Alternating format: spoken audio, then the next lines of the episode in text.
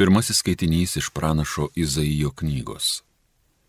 Dėl Zijono aš netylėsiu, nebūsiu ramus dėl Jeruzalės, kol jos teisingumas spindėte suspys ir josios gerovė nušvis kaip žibintas. Išvys tuomet tautos tavo teisybę, visi karaliai tavo didybę. Tu būsi vadinama naujų vardu, kurį ištars viešpaties lūpos. Tu būsi puošni karūna viešpaties rankoje, karališka diedema savo Dievo dešinėje. Tavęs daugiau nevadins paliktąją ir tavo šalies vienišąją. Tu būsi vadinama mano žavesiu, o tavo šalis ištekėjusią, nes viešpats tavimi žavisi ir tavo šalis bus ištekinta. Kaip tuokėsi vaikinas su mergina, taip tavo statytojas susituoks su tavimi. Kaip džiaugiasi nuotaka jaunikis, taip džiaugsis tavimi tavo Dievas. Tai Dievo žodis.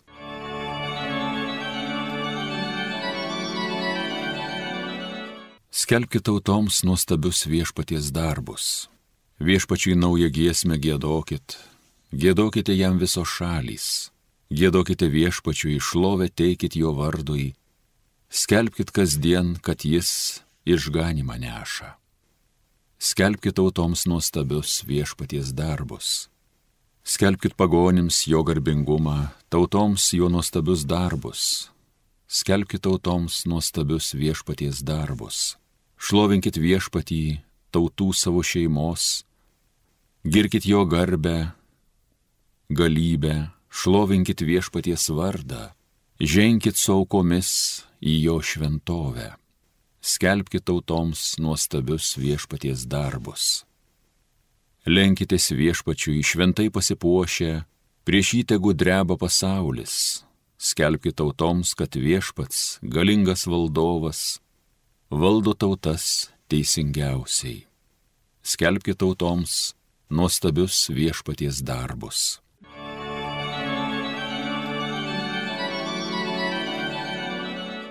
Antrasis skaitinys iš Šventojo Paštalo Pauliaus pirmojo laiško korintiečiams. Esama skirtingų malonės dovanų, tačiau ta pati dvasia. Esama skirtingų tarnyščių, tačiau tas pats viešpats. Ir esama skirtingų darbų, tačiau tas pats Dievas, kuris visą veikia visur kur. Kiekvienam suteikiama dvasios apraiška bendram labui. Antai vienam dvasia suteikia išminties žodį, kitam ta pati dvasia pažinimą, kitam tikėjimą, toje pačioje dvasioje, kitam gydimo dovana toje vienoje dvasioje, kitam stebuklingus darbus, kitam pranašavimą, kitam dvasinį atpažinimą, kitam įvairių kalbų dovana, kitam kalbų aiškinimą. Ir visa tai veikia ta pati dvasia kuri dalyja kiekvienam atskirai, kaip jai patinka. Tai Dievo žodis. Alleluja, alleluja, alleluja. Dievas pašaukė mus per Evangeliją, kad įgytume mūsų viešpaties Jėzaus Kristaus garbę. Alleluja.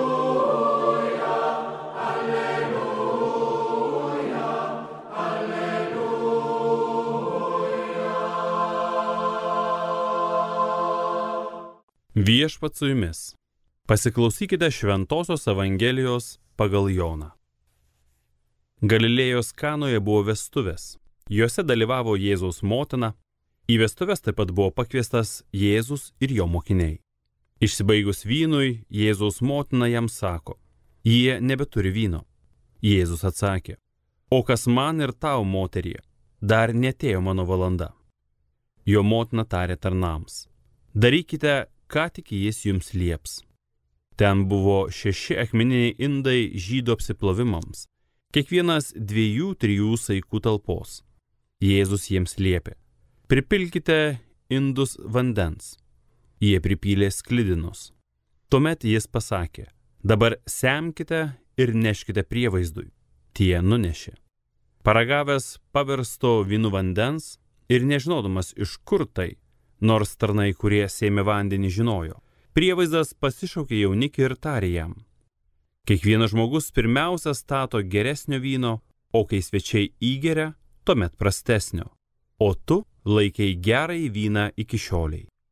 Tokią ženklų pradžią Jėzus padarė Galilėjos kanoje. Taip jis parodė savo šlovę ir mokiniai įtikėjo jį. Paskui jis su savo motina, broliais ir mokiniais nukeliavo į Kafarnaumą. Ten jie pasiliko kelias dienas. Girdėjote viešpaties žodį.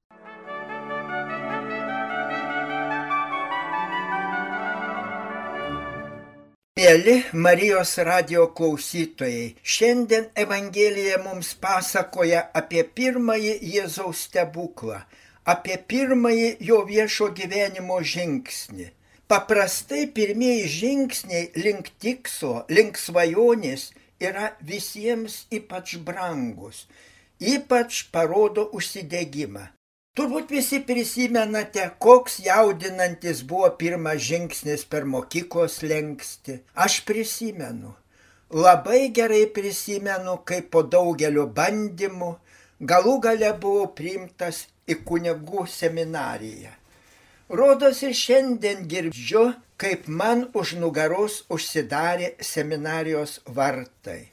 Tiesiog mintis, štai nebereikės iš čia išeiti. Juk yra buvę tokių jaunuolių, kurie komunistiniais laikais po ilgų nesėkmių patekę į seminariją, bučiavo jos lengsti. Arba su kokiu virpuliu tada įstoja į slaptą vienuolyną mergaitės meldėsi, o seselės padariusioms įžadus deklamavo sesė, prie autoriaus pasimeldus jautriai, tu kietai nuo pasaulio duris uždariai ir negryši atgal niekados. Jau sudėta auka, ko drebi dar bailiai, ką likai palikai, nesigręžk atgal niekados. Atminimai nuodai, jie tave pavilios. Argi nesu tokiu pat užsidegimu jaunieji eina į santuoką, tiesiog dreba eidami prisiekti prie altoriaus. Mums būtina vis prisiminti tuos brangiausius gyvenimo žingsnius. Būtina dažnai prisiminti tas nuotaikas, tuos užsidegimus, pasirežimus. Būtina prisiminti ir atnaujinti, tarsi pradėti iš naujo. O kokios mūsų nuotaikos būtų ten, Kanos vestuvėse, dalyvaujant su Jėzumi ir mergelė Marija. O gal nedėra mums iš savo paprasto kasdienio gyvenimo žvelgti į tas vestuvės? Juk nekviesti ten esame, juk ir nepritinka, bet Evangelija mums pasakoja, Tad eikime ir nekviesti, pasižiūrėkime, pasidairykime tose vestuvėse. Skirtingos rūšės žmonių buvo tada labai nustebintos Jėzaus elgesio. Pirmiausia, fariziejai, švento rašto aiškintojai, pamaldieji piktinosi. Jie juk moko, kad tikėjimas turi būti kietas, aštrus dalykas. Jie juk sako, kad religingas gali būti tik tas, kuris labai rimtai nusiteikęs, vis žvilgsnį nuleidęs, vis pasninkauja. Ko gero Jėzaus dalyvavimas vestuvėse ir buvo ta pirmoji priežastis paskatinusi juos Jėzui prikišti, kad jis įdrūnas ir vyno gerėjas ir kad jų mokiniai nepasninkauja. Kita grupė, kuriai tikriausia priklauso daugiau žmonių, tai yra malonumų ieškotojai, kurie melai linksminasi, siekia apsvaigimo, išsiblaškimo, te svajoja vien apie linksmybės ir pramogas. Jie kaip ir fariziejai galvoja, kad tikėjimas nesuderinamas su džiaugsmu ir malonumais. Jie net galvoja, kad tikėjimas trukdo džiaugtis. Taigi jie ir pasirenka džiaugsmą, malonumus be tikėjimų, kaip ir anie renkasi Dievui tarnavimą be džiaugsmo. Visur tie kraštutinumai. Svarinskas dažnai sakydavo, rusai pasirinko kryžių be tikėjimo, o vakarai tikėjimą be kryžiaus.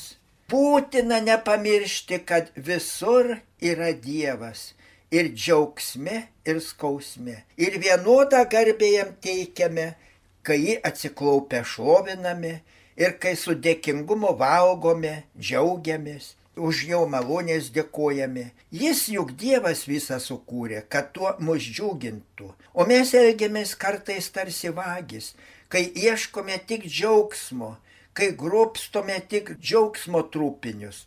Juk taip mes apvagiame save. Jis nori mums duoti visą džiaugsmo pilnatvę, o mes griebėme tik dalį. Tad su Svarinsku, su mergelė Marija, su Jėzumi ir pabūkime kanos vestuvėse. Pasimokykime tikro džiaugsmo. Kągi daro didžioji mūsų užtarėja mergelė Marija, pirmiausia pastebėjusi tose vargingų žmonių vestuvėse vyno trūkumą. Pirmasis jos užtarimas Jėzui nuskamba. Jie nebeturi vyno. Ir atkreipkime dėmesį, tai padaryta ne kokioje lygoje, ne kokiame skausme, ne kokioje nelaimėje, bet linksmybės metu. Marija pastebėjo, kad tuoj be vyno vestuvių linksmybės baigsis. Mes įpratę šauktis Dievo, kai bloga, kai sunku, kai kenčiame. O Marija mums rodite rodo, kad Dievo pagalba mums reikalinga ne vien skausmuose, bet ir linksmybėse. Ir ko gero, pirmiausia reikia Dievo pagalbos linksmybėse. Ar ne tai mums Marija nori pasakyti, išprašydama pirmąjį Jėzaus stebuklą? Ir dar vienas klausimas. Kieno šventė vestuvės? Jaunimo ar senimo? Be abejo jaunimo. Taigi jaunimui daugiausia reikia šauktis Dievo. Marija ir sako, darykite, ką tik jis jums lieps.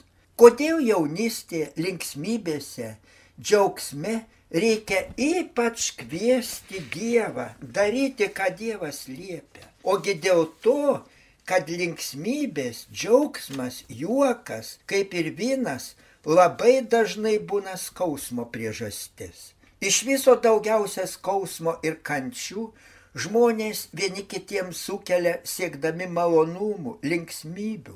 Po juoko taip dažnai seka skausmas, kaip po dienos naktis, sakydavo tėvas Stanislavas. Ir mano vaikystėje mums vaikams labai įsisiautėjus, dūkstant, įsikvatojus, tėvai sakydavo, na dūkit, dūkit, matysit, dar šiandien verksit. Ir dažnai išsipildydavo tas perspėjimas. Žiūrėk, katras jau verkia praskelta galva, sunku verkti, bet dar sunkiau juoktis. Linksmintis, neperinant į tuštybę, nuobodulį, skriaudą, piktumą. Taigi būtina visų pirma džiaugsmą jaunystę kaip skausmo priežastį, kaip linksmybės priežastį pašventinti, gydyti. Vėl grįžkim prie jaunystės. Kodėlgi dažnai senatvė būna tokia liūdna? Dėl to, kad netinkamai buvo praleista jaunystė. Pirma reikia gydyti jaunystę, o ne senatvę, mokomos Marija. Skausmą, vargą daugelis žmonių sunkiai pakelia arba iš viso neištveria, ima keikti Dievą, girtauja, sukanda dantis, iš tikro labai sunku pernešti skausmą, nesugniaužus kumščių. Koks žmogus tai pajėgs? Koks žmogus pakils iš skausmo nesukilęs? Tik žmogus su tikėjimu pakels rankas ne kerštui, nenusivylimui, ne prakeiksmui, bet maldai. O tikėjimo maldos reikia išmokti jaunystėje, ramybėje, džiaugsme. Skausmas kaip ir lygos sėkmingai gydomos užbėgant už akių. Ir pirmasis Marijos užtarimas, pirmasis jos paraginimas būtent ir yra toks užbėgimas skausmui už akių. Darykite, ką Jėzus jums lieps. Prisipilkite ne indus, o save pačius gyvybės vandeniu pripildyti save tą gyvybės duoną, tuo dvasiniu gėrimu, kuriuos mums Dievas duoda šventose mišiose, tai svarbiausia - pripildyti save tikrąją Jėzaus išmintimi, tikruoju jo malonės šaltiniu. Amen.